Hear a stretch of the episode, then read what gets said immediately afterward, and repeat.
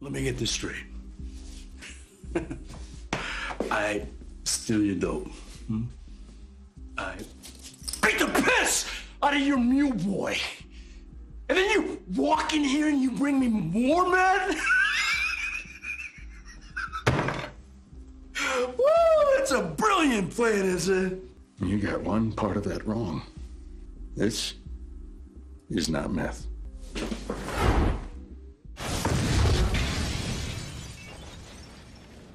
Vad tittar du på just nu? Just nu tittar jag på Breaking Bad. Mhm. Som är en serie som jag aldrig har sett. Nej.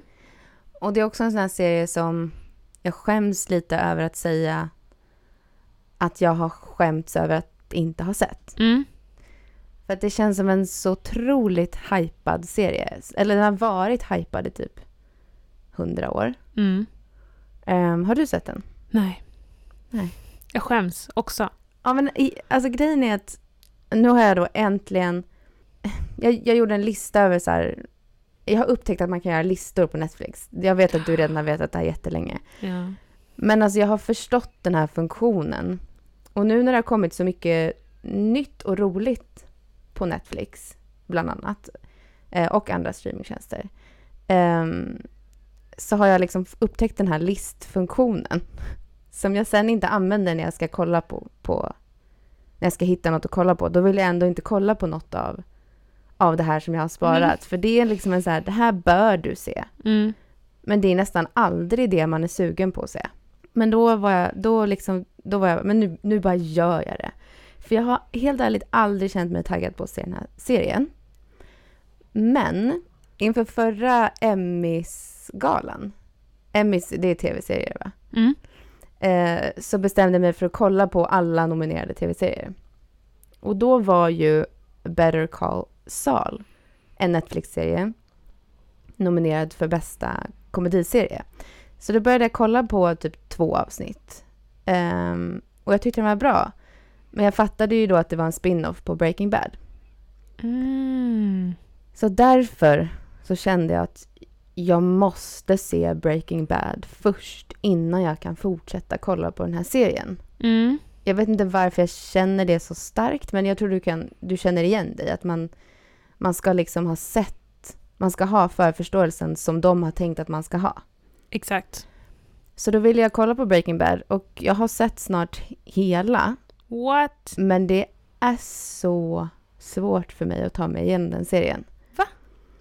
Alltså, så här, första säsongen så var jag så här, okej, men jag fattar varför man gillar den här, eller snubbar gillar den här.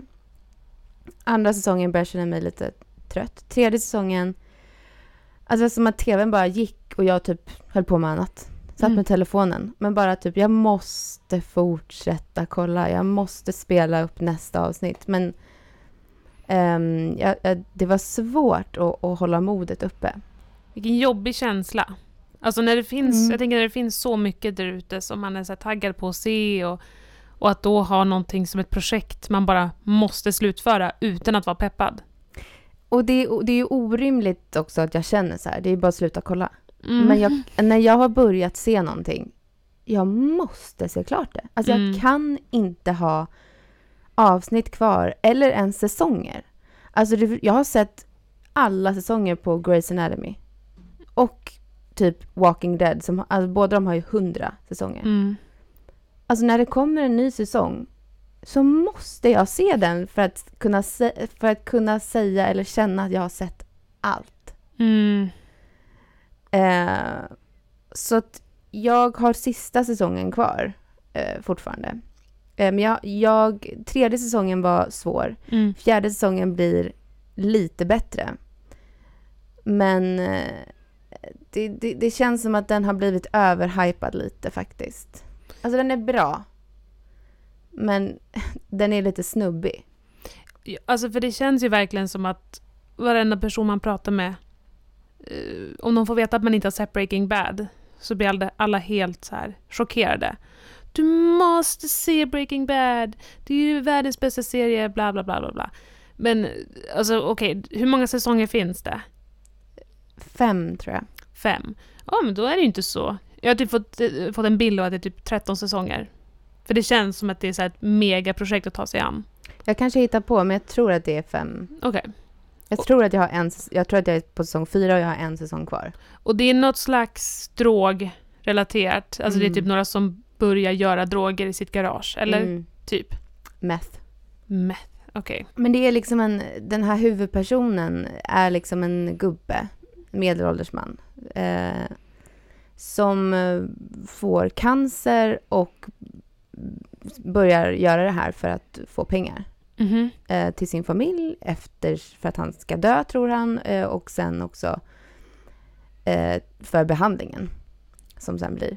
Eh, men det, det är så svårt för mig att finna intresse i den här medelålders mannens... Alltså det är en vidrig karaktär. Till att börja med. Eh, och det finns väldigt många andra intressanta karaktärer i den här serien som inte får lika mycket tid eh, som han. Som till exempel hans liksom, sidekick då, som eh, spelas av, vad fan heter han nu då? Är det han Jesse? Ja, Eller karaktären heter Jesse? Ja, Aaron Paul? Nej, Ah, Aaron det- Paul?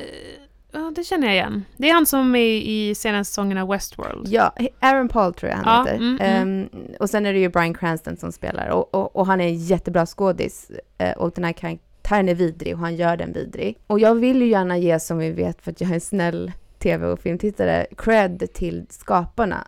Som så här, men de... Att jag, att jag uppskattar att de har gjort en så genomvidrig karaktär som bara är vidrig. Och då är det liksom så här uppfriskande han får mycket screen time eh, och hans känslor, eh, upplevelser får väldigt mycket tid i, i narrativet. Eh, och att då, då, då försöker jag se det som att men det är så de har tänkt och det ska vara liksom så här fräscht. Att, eh, inte, inte fräscht, men alltså så här, ja, men uppfriskande att, att, eh, att en vidrig karaktär får så mycket tid. Originellt. Ja, precis. Originellt. Eh, men sen ibland blir jag så här, undrar om de bara tycker... Alltså, eller så är de bara vidriga själva. Mm. Det är säkert män som har skapat den här serien. Jag vet inte ens vilka. Pinsamt att säga kanske. Men då blir jag så här, igen, de kanske bara tycker att han är så här, de kanske bara alla känner igen sig jättemycket i den här mannens upplevelser och bara mm, mm, mm. Men han är, det, det, så jag vet inte riktigt om jag ska ge dem så mycket cred. Att de ska ha tänkt igenom det här, om du förstår vad jag menar. Mm. Men hans fru till exempel är en jätteintressant karaktär. Mhm. Eh, Hon har fått lite mera tid i den här fjärde säsongen. Och samma med den här Jesse-karaktären, Aaron Paul. Hans karaktär är så intressant och han är så bra.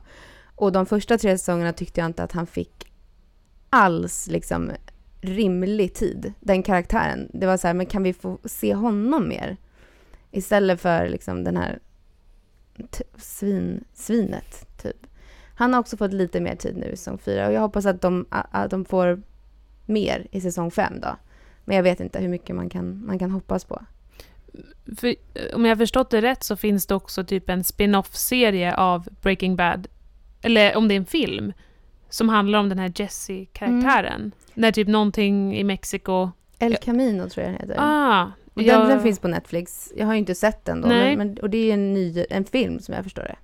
Mm. En, en, eh, en spin-off-film. Gud vad spännande, det konceptet. Mm. Och sen den här spin-off-serien då, eh, Better Call Saul, som är lite mer humor. Alltså det här kanske blev jätteluddigt. Jag hoppas att du kunde hänga med i typ m- mina resonemang lite. Jag hängde verkligen med och det var väldigt intressant att du tog upp det här för att igår så såg jag om Scarface. Mm. Eh, filmen från 1983 av Brian De Palma. Eh, har du sett den? Nej. Det är ju då en... Det, det är en sån här film som är sparad på min lista Ja. som jag aldrig vill se. Alltså grejen är att, eh, jag har ju sett den här tidigare, men min sambo hade inte sett den, så jag bara, vi måste se Scarface. Precis som du säger, det är liksom en film man måste ha sett. Och speciellt om man är väldigt förtjust i liksom gangster, maffia-genren. Alltså, äckligt. Det låter ju äckligt att, ens, alltså att, att du ens säger det. Jag vet ju att du liksom inte menar att man måste ha sett den. Men men man, det är ju så man refererar till den. ja. Som Gudfadern, alla de där filmerna, det är liksom, man måste ha sett den, sen måste man inte ha det. sett den. Alltså, det, men, det, det, det, det är äckligt. Det, det är jätteäckligt. Ja.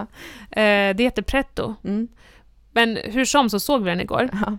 Och eh, det är så intressant för det handlar ju också om, det är ju liksom mm, Tony Montana som det handlar om, Scarface. Han är ju verkligen en antihjälte. Alltså han är den typ mest osympatiska personen som man kan tänka sig. Alltså han är bara, det handlar ju om att han kommer som, han immigrerar från Kuba, kommer till Florida och ska försöka bygga upp någon slags imperium av att importera kokain på 80-talet.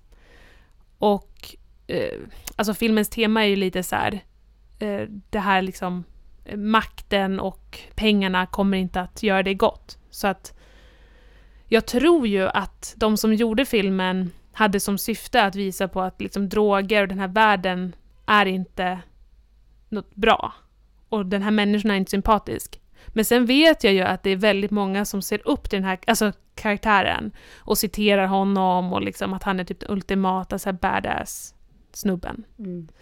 Så det är också lite intressant just det här att se att en person som får så mycket tid som egentligen är väldigt osympatisk. Men det blir någon slags antihjälte. Mm. Och ofta i maffiafilmer eller typ, ja det här är kanske inte så här ren och skär maffiaserie, den här Breaking Bad, men ändå droger och det är lite så på andra sidan lagen.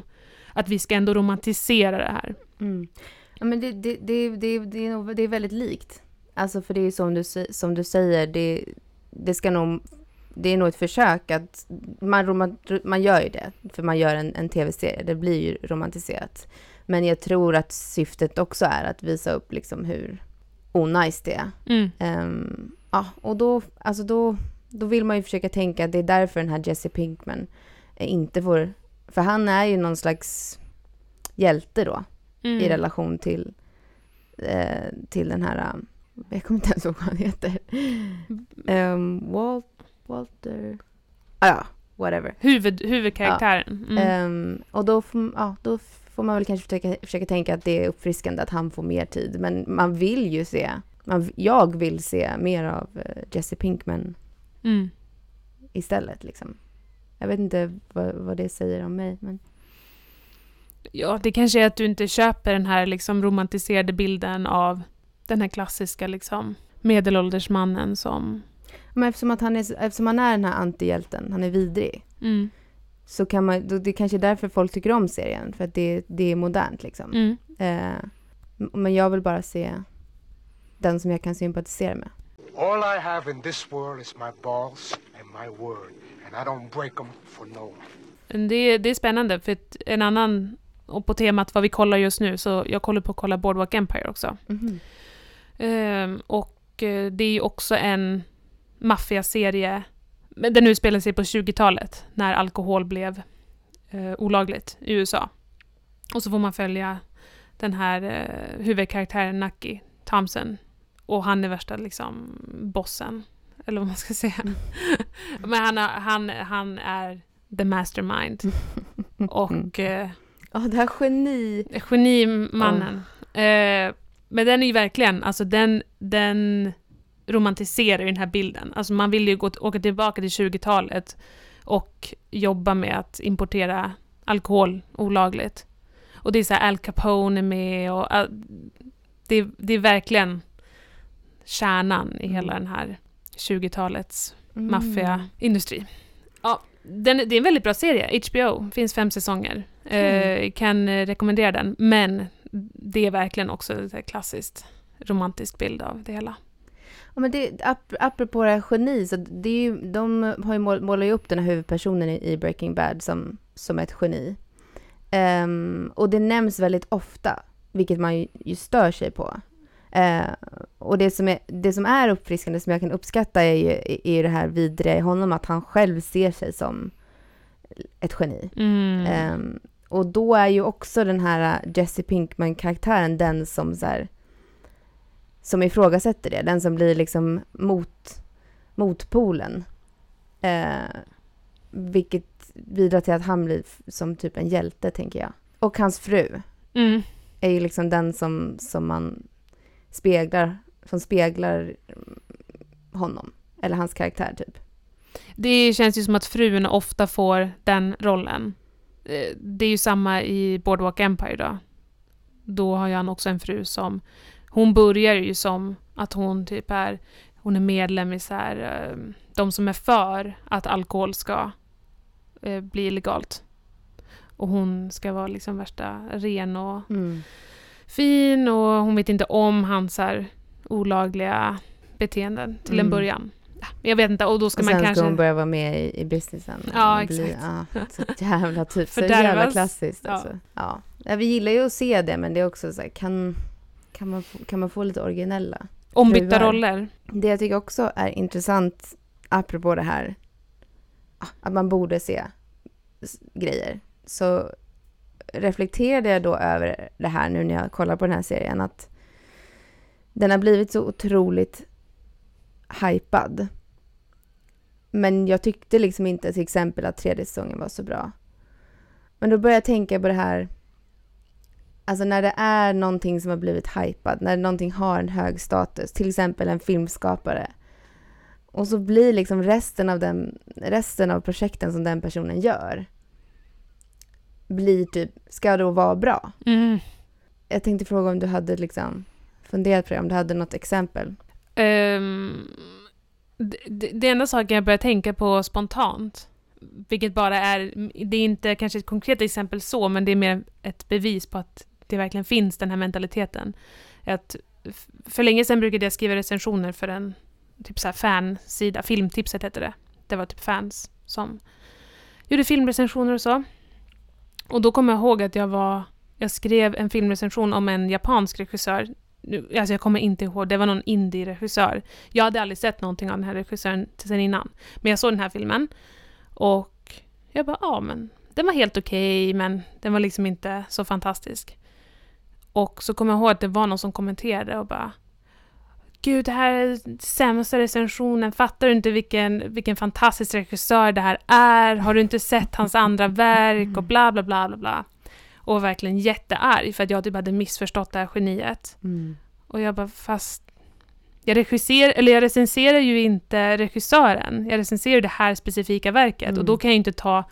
Jag kan ju inte bara försköna det för att regissören har gjort andra bra filmer. Mm. Men det är ju, jag tror många tänker så. Alltså typ att eh, alla de här, Christopher Nolan, Quentin Tarantino, när de kommer ut med en film så, så blir det som att folk bara, ja men det är ju Nolan, Mm. det är ju Tarantino. Men det funkar ju så i Hollywood. Nej, Mm. men alltså, i film och, te- och tv-kulturen överhuvudtaget. Det är ju så det funkar. Alltså man får ju ett försprång i, och med de personer som är ihopkopplade med projektet. Det är, det är hela grejen. Så då vill man ju också, det är ju samma sak med skådisar, då vill man ju ta in eh, vissa skådisar för att det ger ju filmen en, en status, eh, en garanterad status. Eh, Men jag kan, ja, det kan man ju störa sig lite på. Och jag, eh, jag bara reflekterade över det. Nu var det här i och för sig liksom olika säsonger, men ändå. Alltså så här, det blir, det blir också, man förväntar ju sig samma kvalitet varje säsong. Om, om de tidigare har varit bra. Mm. Det finns ju väldigt många sådana exempel.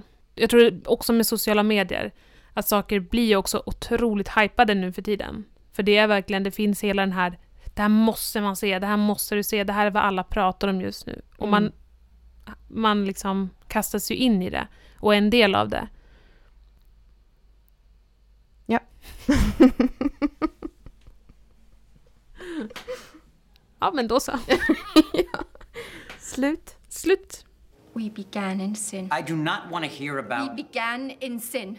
We'll end in it unless we change. På tal om det här med att, vad vi kollar på just nu, så har jag ju sett Hamilton nu. Som vi, Musikalen. musikalen som vi pratade om i förra avsnittet av Lin-Manuel Miranda, Mm. Som finns på Disney Plus Mhm. bland annat. Mm. Eh, Side note, väldigt, eh, jag har ju då sett den här och sen rekommenderat den till alla jag träffat Mm. och upptäckt att det finns, det blir lätt missförstånd i och med att det finns en svensk bokserie och filmserie och, om Hamilton Mm. som är någon slags eh, Jan Guillou, jag har inte läst om, men det är Mm. någon slags hjälteserie. Mhm. Eller ja, krigshjälte. Jag vet inte riktigt. Eh, okänt territorium. Men när jag har sagt då att så här, ni måste se Hamilton, den är fantastisk. Mm. Och alla bara Hamilton? Den här med Mikael Persbrandt? Uh, no. Uh, väldigt förvirrande. international. Ja. Jag tror du också den enda som säger Disney plus. Disney plus. Är det för att du har en amerikansk boyfriend? Äh, ingen annan säger Disney plus. Disney plus. Ja. Men då, vi, då kan vi ju säga Hamilton också. Ja. Vi säger allt på svenska bara. Alltså allt svenska. Nej, men jag, jag gillar att du säger Disney plus. Men, men, jag säger Disney plus. Jag har bara tänkt på det. Ja, det, det är sant. Eh, Men fortsätt gärna. Jag, jag gillar det. ja, det, men det var en side-note att det lätt blir missförstånd. Ja, men, Men- vad tyckte du? Men eh, jo, Boardwalk-musikalen Hamilton. Vad sa du? Boardwalk? Oj, Boardwalk! Boardwalk Empire. Du, det här är en musikal. Du har inte koll på musikal förstår jag. Broadway. Mhm. Okej, Nej men det är väl därför folk också inte fattar mm, kanske, eller folk, eh, men det är väl en, lit, en, en lite nischad grupp som, som gillar musikaler, speciellt i Sverige. Eh, så att folk tänker direkt att du menar någonting annat. Mm, ja men så är det ju. Ehm, och det är roligt när man själv då vet vad det är, eller har vetat om det väldigt länge, så är ju det det självklara. Mm. Så om någon skulle komma till mig och prata om Hamilton så skulle inte jag tänka på Jan Guillous bokserie. Nej. Men, ehm, ja, men eh, jag tyckte att den var fantastisk. Mm. Jag tyckte den var jättebra. Mm. Ehm, Bra. och och det, det visste jag ju Mm. att den skulle vara. Så det var ju skönt att den var det. Det är väldigt skönt, Ja. tycker jag. Eh, och jag lyssnar jättemycket på soundtracket efteråt. Mm. Och försöker liksom lära mig alla de här texterna nu. Mm. Jag är på, jag är på god väg. Eh, jag tror dig. Det är, det är svinbra. Det är bara svinbra musik. Alltså det, vi vet ju vart, vart jag står i den här frågan. Mm. Jag tycker det är jättekul att du nu är liksom insatt. Ja. Ja, nej men, eh, nej, men jag tyckte det var jättebra och jag kan verkligen rekommendera den. Mm. Ehm, men det var väldigt intressant för vi diskuterade det efteråt. Mm. Och ja, men jag sa exakt det. Den var jättebra. Det enda jag funderade Men. på, det ska alltid vara ett men. Mm. Nej men det enda jag reflekterade över när jag såg den var ju att jag tyckte det var intressant att Lin-Manuel Miranda dels har blivit så otroligt hypad men också att han har rolls... Alltså att han spelar då den här som han har skrivit. Mm. Eh, för jag tyckte väl att han var typ den svaga länken. Mhm. Mm. Och eh, du höll inte med? Nej, precis. Nej, men vi, vi pratar ju om det här. Och det är viktigt att problematisera det här manliga genifenomenet. Ehm, och ehm, jag håller ju med dig i- i, din, i dina tankar, men jag kan inte i hjärtat hålla med dig. För att jag själv är så... Alltså för mig... Jag, han är ju ett geni för mig. Och jag, jag blir så här...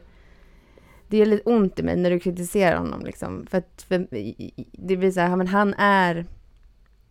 Han är ju musikalen. Eh, och men jag, jag håller med, man kan ifrågasätta varför han har liksom castat sig själv. Men samtidigt så är det ju... Men han, han blir ju på riktigt ett geni för att han har gjort musiken till hela, till hela grejen. Alltså han är ju hela grejen. Han har ju skrivit, han har ju skrivit allt. Eh, så han får ju liksom... Bara genom att ha den rollen så, så blir ju rollen någonting. Eh, om du förstår vad jag menar. Mm. Ehm, vilket var kanske det som, jag, som vi, vi pratade om också efter. att ja, men vad, vad hade den rollen varit om han inte hade gjort den? Mm. Förstår du? Och du, du håller inte med, du tycker att någon annan hade kunnat ha, någon annan hade kunnat spela Hamilton. Och, och i det här fallet så, så kan jag liksom inte hålla med för att han, är, han har ju gjort, ja, men det, ja det är ju också vidrigt att han liksom som har gjort den med sig själv i åtanke, men bara genom att ha skrivit det så är han ju Hamilton. Förstår du? Eller, eller låter det svinflummigt? Nej, alltså jag fattar ju vad du menar och jag köper det. Men jag, jag tycker ändå att det är intressant. Jag tror att jag mer nu än vad jag var förr i tiden eh, kan liksom ifrågasätta när vissa rollsättningar. Mm. Alltså jag tror att när jag var yngre så kunde jag vara så här. Åh nej, det är ingen annan som hade kunnat spela den här. Det här är helt fantastiskt. Det är bara den Mm. skådespelaren. Mm. Bla bla. Mm, Men nu kan jag vara lite så här. Men en skådespelare är ju mest ett verktyg. Och Mm. eh, det är klart att den här skådespelaren har gjort någonting fantastiskt med rollen och det kan man hylla. Men det betyder ju inte att någon annan skådis inte hade kunnat göra på ett annat sätt. Eller tolkat Mm. rollen på ett annat sätt. Nu vet vi ju inte det för att eh, för viss, alltså om det inte är en roll som har spelats av någon annan. Mm. Nej, men, men det behöver ju inte betyda att någon annan kanske hade gjort Hamilton bättre. Jag har inte sett de andra musikaluppsättningarna där andra spelar Hamilton. Mm. Så jag kan inte uttala mig om det. Men jag tycker ändå det är intressant att ifrågasätta. Det är inte, det är inte ett nytt fenomen. Alltså det är Precis. väldigt vanligt att manusförfattare eller regissörer rollsätter sig själv i huvudrollen. Mm. Även om det inte kanske alltid är rätt val. Och, exakt. Mm. I det här fallet så, så det kanske är så att hade någon, om jag hade sett någon annan spela Hamilton så kanske det inte hade varit samma känsla. Så att även fast han inte är kanske sångmässigt eller skådespelarmässigt är det starkaste kortet Mm. så kanske det känslan inte hade funnits där. Men apropå det vi pratade om innan, om att det är lite originellt då, så kan, kan jag ju, om jag, om jag liksom vill tala för, för det här i försvar, även om jag håller, med, alltså jag håller helt med om att han inte är den bästa skådisen eller sångaren i det här castet. Och eh, jag själv satt och skrattade ibland åt hans liksom, skådespelar-performance. Eh, Eh, och liksom tyckte det var roligt att han förmodligen har föreställt sig att han ska typ få en Tony för bästa skådespelarinsats när han absolut inte kommer få det. Men då kan man ju se det som, om man vill, eh, lite uppfriskande att han, in, att han inte är världens bästa sångare. Eh, eller skådespelare, för då får ju de andra karaktärerna skina. Eh, om du förstår hur jag tänkte där. Mm. Jag förstår hur du tänkte. Ehm, men det är fortfarande Broadway. Eh, jag menar, eh, om man tänker vilken nivå Broadway-musikalartister brukar ligga på. Så, Så- han bör inte vara där. Så, men, men ja, men då kanske det är, det originella är då att Han har skrivit han har skrivit det och har en sån otrolig, han är, han är så nära materialet. Att att- han hör hemma på Broadway för han har skrivit den. Can I poke you with a stick and you can do a little tiny bit? I, I could try. Oh, go on, yeah, go on. I have to stand. Can I Oh, stand? stand, yes, yes. I don't, I don't remember if I'm sitting. Okay, stand, stand, stand.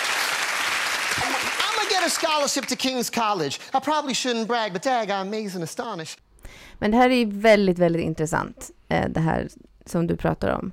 Att man, man har, eller kanske mest som jag, som jag pratar om, att Eh, det här, de här olika perspektiven på roller spel, spelade av vissa skådisar. Att, eh, att ibland är det väldigt svårt att se det liksom eh, utan att bli sentimental över det. Som jag blir över Lin Manuel Miranda. Som är, så det gör ont nästan i mitt hjärta när du säger att någon annan skulle spela Hamilton. För då har jag, då har jag liksom vant mig vid att han är den rollen. Och det är, det är ju precis som du säger, det är ju eh, det är ju bara för att han är rollen som det har blivit så. Och det, det, är- det är väldigt intressant. Det finns ju väldigt många exempel på, på, på andra liknande roller Mm. där det är svårt att veta om man känner så starkt att ingen annan hade kunnat göra den här rollen för att man har, för att man inte kan, för att det har blivit så helt enkelt. Och den rollen har blivit eh, den rollen den är för att den skådisen gjorde det. Eller om någon annan hade kunnat göra det bättre. Eh, Förstår jag vad jag menar?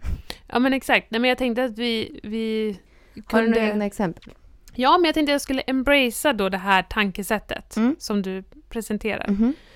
Och det finns ju Tänka med exempel. hjärtat. Jag tänker med hjärtat. Mm. Och eh, om man tänker av sentimentala skäl så finns det ju ett, ett givet för, eh, exempel Jaha. från mitt håll. Och det är ju Aragorn i Sagan om Ja, jag ringen. visste att du skulle säga det. Ja, och det är Viggo Mortensen som spelar Aragorn. Mm. Sagan om ringen. Eh, det, det, det går inte. Alltså man kan säga så om de, många av castingen Mm. i den filmserien. Mm. Men Aragorn är liksom den enda som jag ändå i slutändan är så här. Fast nej, det hade inte blivit lika bra. För att Mm. han känns så liksom enad med materialet Mm. och med den här karaktären och han har verkligen gått in och förstått och har någon slags utstrålning som passar så himla bra med den Mm. här karaktären. Jag håller ju med om att, om att eh, Viggo Mortensen är Aragorn, men det är ju också för att vi bara har sett honom göra Aragorn. Eh, Helt, helt ärligt. Och, och hade någon annan gjort... En annan skådespelare hade, kun, hade ju kunnat sätta sig in precis lika mycket, faktiskt. Eh, Det finns ju andra skådespelare som, som, som, hade kunnat göra det med samma dedication som han. Och då hade vi aldrig vetat om att Viggo Mortensen hade gjort den här rollen så bra. Förstår du? Mm. Eller jag vet att du förstår, ehm, men du tänker med hjärtat. Och Exakt. jag bara, det, det, det, det är ju så. Alltså man kan inte tänka sig någon annan, fast egentligen så hade ju någon annan kunnat göra rollen Exakt. lika bra. Mm. Exakt. Mm. Men nu tänker vi med hjärtat. Nu tänker vi med hjärtat. Eh, förlåt, jag ska inte... Vi vet att det här perspektivet finns, jag behöver inte säga det igen. Det är etablerat. Ja, men jag, jag känner ju så med ehm, Alan Rickman som Snape till Åh. exempel. Och ja, alltså det är, det, är inte, det är inte sant, men också han är ju Snape. Ja. Det, det, men det går faktiskt inte att tänka sig någon annan. Men jag har ett ännu, ännu bättre Harry Potter-exempel. Mhm. Som alltså faktiskt är inte bara med hjärtat. Alltså Alan Rickman är ju me- mest med hjärtat. Jag förstår ju att någon annan hade kunnat göra den rollen. Men faktiskt, eh, karaktären Dolores Umbridge, Mm. som spelas av Imelda Staunton. Yes. Eh, om du vet vem jag menar. I Ro- rosa, ro- helt rosa kläder. Paddan, Eh, som hon ja. kallas. Ja. Ehm, hon är med i, ehm, i femte filmen. Och nej men hon, hon är den karaktären. Alltså, så som, så, så som hon beskrivs i böckerna. Alltså hon, hon, hon liksom verkligen brings it to life eh, i, i filmen. Alltså, och, och det är, är helt omöjligt att tänka sig någon annan göra den rollen. Och det är liksom, hade jag, med hjärtat så är det samma sak med Maggie Smith som, som Mm. ehm, McGonagall. Men det här är ju liksom på riktigt, hon är ju Umbridge. Det, gå, det går inte att någon annan hade kunnat, in, ingen annan hade gjort den rollen så bra. Så om man jämför med, också med böckerna. Mm. Så som den karaktären är i böckerna, är hon. Mm. Ja, men jag, det, det, jag kan signa upp på det. Study hard and you will be rewarded. Fail to do so and the consequences may be severe. Um, har du några exempel på roller, filmroller eller tv-serieroller där det kanske inte är nostalgiska skäl? Där det mer är kanske någonting som du har sett nyligen där du är så här, wow, den här skådisen, alltså det, det var helt outstanding. Jag tror inte att någon annan hade kunnat göra det. För ibland med Sagan om ringen, Harry Potter, de Mm. exemplen vi tog upp, det är ju också för att man har så starka känslor för en karaktär som har hängt med en så länge. Mm. Att man blir, men hjärtat. Mm. Jag försöker tänka. Jag vet ju att många har sagt det här om Bryan Cranston i Breaking Bad till exempel. Mhm. Och det känner, eftersom jag inte känner så starkt egentligen så, så vet jag inte om jag håller med. Mm, jag försöker tänka. Har du, har du något? Ja, men jag eh, tänker på två stycken, men framförallt en. Mm. Och det är eh, Marion Cotillard Mm. i La Vie en Rose. Mm. När hon spelar Edith Piaf. Mm. En fransk film från 2007 som hon också vann en Oscars-nominering för. Och jag vet att jag har tagit upp det här på podden tidigare. Mm. Bara för att jag tycker att det är en helt outstanding. Men där är... Där handlar det ju också om att man eh, porträtterar en riktig person. Och liksom... Ja, kanske någon annan hade kunnat göra det, men det är fan helt outstanding. Och jag tror inte att någon hade kunnat ge liv till den här människan på samma sätt. Mm. Jag tänker på um, Inglourious Basterds. Um, och den, den känner jag väl inte så jättemycket nostalgi för, men ändå, det är ändå... Det kanske är lite så att, för att eh, rollen som Hans Landa Mm. av Christoph Waltz tycker jag är väldigt svårt att, föreställa mig en annan skådespelare göra faktiskt. Ehm, jag vet inte om du håller med? Ja, men där verkligen. Det känns ju som att han är den här människan. Och det är ju... Det, det här tycker jag är väldigt spännande då för att det är väl, alltså man måste ju ändå skilja på de karaktärer som bara, som är, som man kan tänka sig har skapats i processen, eh, som den här karaktären. Och då är det ju klart att det är svårt att föreställa sig någon annan än Christopher Waltz göra den när han har varit med och utvecklat den. Eller som att försöka tänka sig en annan Michael Scott i The Office, eh, i amerikanska The Office det vill säga. Eh, för det är ju Steve Carell och han har ju gjort rollen. Då, det är klart det inte går att tänka sig någon annan, för han är ju, den är ju skapad av honom. Eh, men sen så finns det ju, ja men typ som ja, Dolores Umbridge, där det faktiskt finns någonting att förhålla sig till. Eh, och då tänker jag på eh, Heath Ledger som Jokern. Mm. Och där, där är det ju svårt att tänka sig en annan. Det, tror jag, det må- måste väl ändå de flesta skriva under, liksom, att han ändå har gjort den rollen. Fastän det har varit folk som har gjort den innan honom till och med. Och sen också är ju det ganska spännande nu eftersom vi har fått se en ny Joker. Tycker man fortfarande att det är Heath Ledger som är Jokern eller kan man nu öppna upp för att ja men ja, Joaquin Phoenix gjorde ju faktiskt också en ganska bra Mm. Ehm, och håller vi då fast vid Heath Ledger av nostalgiska skäl, för vi känner väldigt mycket hjärta för att han har gjort den rollen. Mm. Även när, vi har sett ett jätte, jättebra per performance eh, av Joaquin Phoenix. Eller tycker vi att han på riktigt gjorde den rollen? Förstår du hur jag menar? Mm. Gud vad svårt. Mm. Det, är, det, är, det blir ju en, en annan eh, dimension när det är en karaktär som har spelats av flera olika. Och man, får väl, man kan väl respektera alla olika tolkningar. Men ja, det är så här, vem är din joker? Och det är ju väldigt aktuellt nu när vi får en ny Batman också. Mm. Eh, och det finns ju oändligt många Batmans. Har du någon favorit? Ehm, alltså jag tycker väldigt mycket om eh, eh, Christian Bale. Mm. Du då? Nej, men jag vet inte. Nej, men det, det, det är också min favorit, men jag- det kan också vara av nostalgiska skäl. Ja, för jag tänkte lyfta, alltså eh, överlag, om man pratar om en skådespelare, som jag tycker ofta, alltså verkligen gör ikoniska filmroller där man känner att, alltså flera roller där man känner bara wow, det här hade ingen annan kunnat göra. Och det är Christian Bale. Mhm. Och jag tänkte på eh, American Psycho. Mm. Och, och han är, alltså det är ju någonting med Christian Bale att varje roll så känns han som en annan person. Alltså det känns som att man glömmer bort vem, alltså man vet inte vem Christian Bale är. Och när man ser Patrick Bateman i American Psycho, och man bara det är Patrick Bateman, det, det Mm. finns ingen Christian Bale. Mm. Och det är bara alltså, helt fantastiskt. Jag, bara, jag kan ju inte tänka mig någon annan i den rollen. Det kanske hade kunnat göras. Men han, det är verkligen en skådis som är så duktig på att göra ikoniska filmroller. Till Mm. exempel Batman då.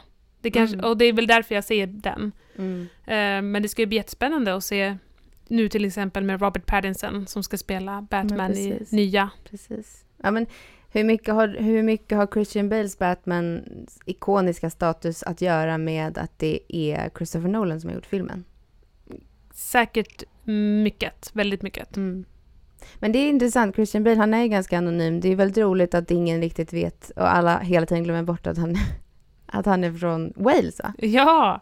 Eh, för att han, han gör ju bara amerikanska roller. Nej, men det är helt, det är helt, alltså så fort man ser en intervju med honom så blir man ju så här. oh, Wow. wow. Ja, det är spännande. Men vad tror du om eh, Robert Pattinson som Batman nu då? Alltså jag tycker att det är ett fantastiskt val. Mm. Jag tycker ju Robert Pattinson är en annan sån filmskådis som jag bara tycker är helt fantastisk. Mhm. Och han tar sig an roller på ett så dedikerat sätt. Så jag tror att han kommer vara grym. Mm. Ehm, det, det blir jättespännande att se hur, hur, det kommer, hur han kommer förhålla sig till de andra tolkningarna.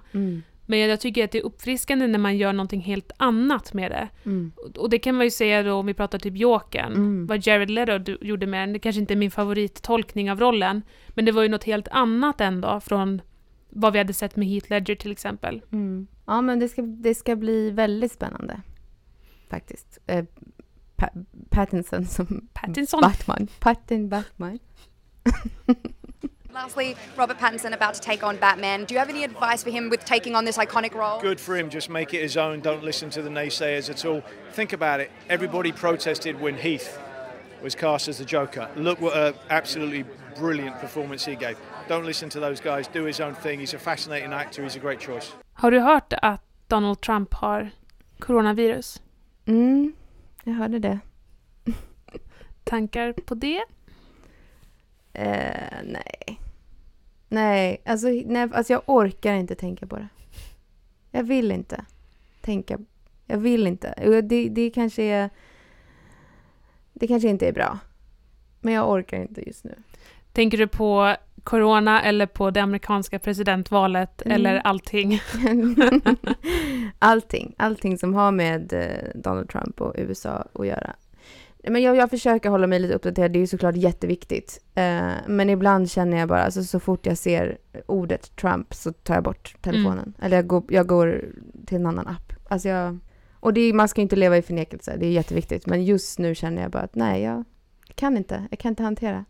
Nej, och jag menar, på något sätt så är det väl, det är fortfarande ett annat land. Alltså även fast USA är stormakt, det är jätteviktigt presidentval så att det är lite skillnad om du skulle känna så med typ att gå och, gå och rösta i ditt eget land. Mm. Ehm, men det blir lätt överväldigande med det amerikanska, amerikansk politik. Men. It's everywhere. Och nu, alltså jag menar, det är debatter, det är, det är varje dag är det liksom någon sensationsnyhet. Men hur känner du inför politik i film och tv? Typ politiska filmer eller politiska tv-serier? Mm. Alltså det här, det här är ju spännande för att eh, jag försöker komma på en enda politisk film och jag lyckas inte. Eh, och jag tror att jag måste fastställa att jag inte har sett så, så många. Eh, speciellt inte om amerikansk politik. Ja, men jag kan inte säga att jag har sett så jättemycket politiska filmer heller. Men det är klart att det poppar ju upp några lite då och då. Mm, jag tänker på aktuella exempel på den här The Post, till exempel. Mm. Där politiken ändå är, har en ganska stor roll. Eller att det är en politisk händelse. Så det känns som att det ofta är det, att det kanske är en film som rör sig i en kontext där, av en väldigt mm, stor politisk händelse. Men jag tänker till exempel på Jackie. Mm. Filmen som kom ut för några år sedan med Natalie Portman. Ja, den handlar ju om liksom efter John F Kennedy dog. Men det, och det är ju den kontexten. Men man får ju följa Jackie Kennedy och det är liksom ett, en porträttering av en människa. I en politisk kontext såklart.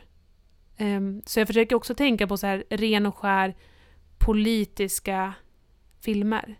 Som bara handlar om typ politik. Jag tänker på den här Milk som kom Mm. ut typ 2008 tror jag. Mm. Med um, Sean Penn. Mm. Vad är Harvey Milk eller vad heter Mm, han? mm. Ja.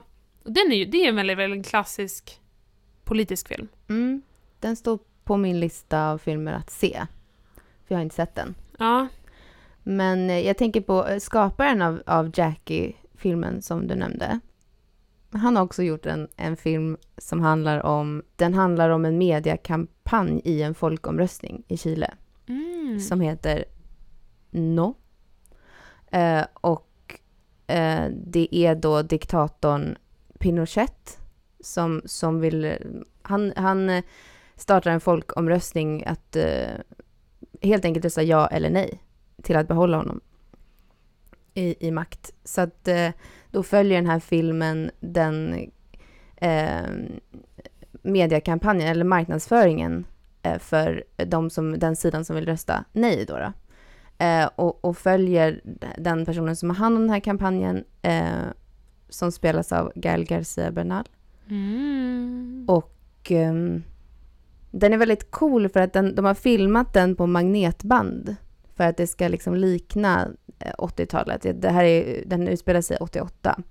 Eh, och sen så följer den ju liksom fi en filmskaparprocess, eller det är ju reklamfilmer. Eh, men den kan jag verkligen, verkligen tipsa om. Mm. För, för det är också, man kom, jag kommer på väldigt mycket som handlar om amerikansk politik ju, när vi, när vi liksom nu pratar om politisk film.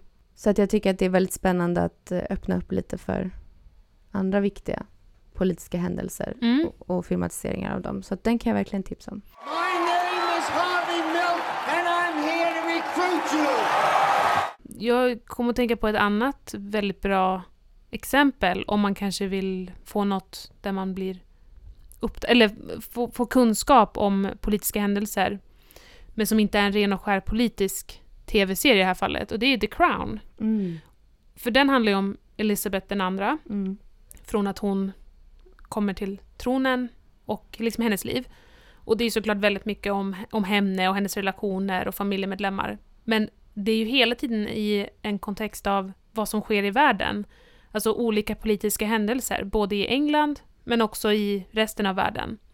Och det är väldigt, man blir får ju väldigt mycket olika perspektiv på olika politiska händelser. Mm. Allt från liksom andra världskriget till ja, amerikanska presidenter till vad det nu är. Mm. Um, så, så det kan jag tycka om när det ändå är serier eller filmer som man blir uppdaterad men det är liksom inte det som är i huvudfokus. Mm. Jag hade tänkt att se om The King's Speech. Oh, den är ju bra. För jag tänker det är lite samma... Man kan likna den lite vid, vid The Crown. Och den handlar ju den, den handlar ju också om... Det är väldigt spännande när det är väldigt isolerat till liksom en händelse. Som i det här fallet liksom kungens... Ett, ett tal, helt enkelt. Och sen relaterar det till, till mycket större saker. Men um, en väldigt isolerad händelse ändå. Så den, den, den ska jag se om. Mm. Jag kommer att tänka på ett väldigt aktuellt filmtips. Mhm. Och det är ju, nu kommer jag bara på den svenska titeln, men En kvinna bland män. Ja men som handlar om Ruth Bader Ginsburg som var Supreme Court. Hon dog ju nyss. Eh, men en väldigt framstående juridisk person i USA. Och liksom involverad såklart i väldigt mycket politiska skeenden. Och den filmen följer ju hennes liv. Eh, On the basis of sex heter den på engelska. Mm. Ehm, den är ju väldigt bra exempel också. En, det blir ju en amerikansk kontext. Mm, jag ska faktiskt upp en, en, en annan, han Tom Hooper som har gjort The King's Speech och Cats, Cats!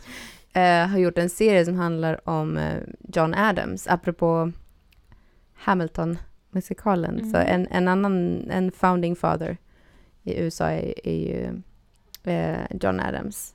Och jag har inte sett den här serien, men jag såg att den finns på HBO, så att det är också eh, USA. Men Mm. den hade jag velat se. Mm. Tycker jag är lite spännande. Graduating top of your class, law review at Harvard and Columbia. I didn't even know that was possible. Thank you, Mr. Green. I've worked hard. Nu när vi pratar om det kommer jag ju på väldigt många exempel. Mhm. Det finns ju väldigt många, alltså det finns ju väldigt många biografier. Alltså om, det finns ju Lincoln, som han, alltså med ehm, Daniel Day-Lewis. Ja. Eh, jag tänker på The Butler, Selma, det finns ju hur mycket som helst. Amerika. Ja. Så när vi började prata om det kändes det som att så här, jag har inte sett en enda politisk Mm. film.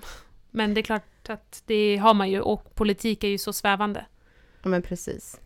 Ett, ett sista tips i, i, i den här kategorin som jag vet att du inte har sett, men det är ju VIP. Ja, just det. Eh, som är ja, men, världens roligaste serie. Och det är, en- det är en humorserie. Men det är, hon är ju... ehm, va, vänta, VIP, Vice, Ja, just det. Vice President. Vad, vad är hela, liksom, hela beteckningen? Ja, nej, men det, det är väl Vice President. Ja, ja. Det är Julia Dreyfus, Julia Louis Dreyfus. Nej, vad fan heter hon? Mhm. Ja, från Seinfeld bland annat, eh, som är den här Selina som är vice president. Och det följer hennes liksom resa till att försöka bli president. Då. Och den är, den är riktigt rolig. Men det är också i liksom ett, ett kontext eh, som, är, som är... Det är ju liksom Vita huset och det är väldigt, väldigt mycket politik. Men det är ju ur ett väldigt humoristiskt perspektiv. Ehm, så jag tycker man lär sig lite om amerikansk politik faktiskt. Mm. Bara genom att se typ Parks and Recreation så lär Mm. man sig lite. Det är sant. Som också är en humorserie eh, med Amy Poehler. Som hon, det är då en liten stad som heter Pawnee. Och det är ju bara liksom den avdelningen. Mm. Men... Lite mer local, kommunpolitik. Ja, precis. Men det är spännande. Ja. ja, absolut. Och där är ju också så amerikansk kontext. Ja, Amerikansk kommunpolitik. Otroligt attraktivt. Mm.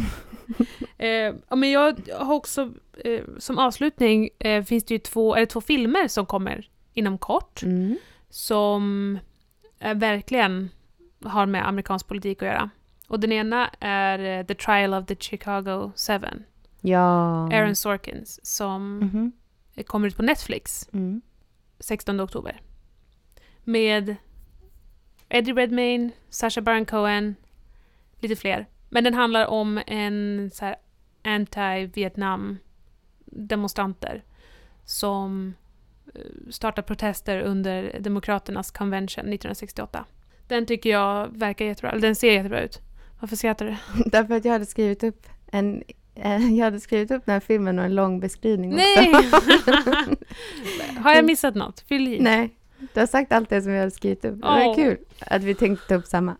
Ja men den, eh, det ska ju bli jättekul. Mm. Det är ju alltså väldigt många nu när man ser filmer som är på gång så är det så här, ja, blev uppköpt av Netflix på grund av corona. Mm. Alltså att de inte kan finansiera att ha biografpremiärer, vilket är Mm. tråkigt. Mm, jättetråkigt. Det är väldigt tråkigt. Eh, och en annan film är ehm, Judas and the Black Messiah. Mhm. Och det är en film som eh, också är en så period piece. Den utspelar sig på um, 60, 70, 70? 60? I Alltså- don't know. Jag vet inte vad du pratar om faktiskt. Okej, den utspelar sig på 60-talet. Black Panther och eh, en av eh, deras så här framstående ledare som hette Mm. Fred Hampton Mhm. och en infiltratör som tar sig in i Black Panther. Mhm. För, en infiltratör för FBI. Den verkar jättespännande och det är Daniel Kaluuya i huvudrollen. Ah. Och sen eh, Lakeith Stanfield. Som också, båda två var ju med i Get Out bland annat. Ja, ja. Mm. Ehm, den verkar jättebra. Men den har Mm. inte fått något satt releasedatum ännu. Vem är det som har gjort den? Shaka King. Vem är det? I don't know. Okej. Ja, spännande. Du sa det som att det var, som att det var så här, Jag hade det själv. självklart. Men jag vet inte vad... Han har inte gjort någonting annat som jag känner igen. Okej. Så att det här kanske blir hans, störst, så hans breakout. Mm. Spännande. Jättespännande. Den får vi följa upp. Mm.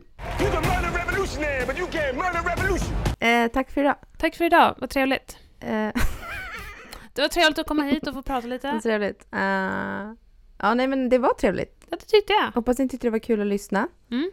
Eh, vi eh, ses snart igen. Mm. Gör vi. Ha det bra. Bye.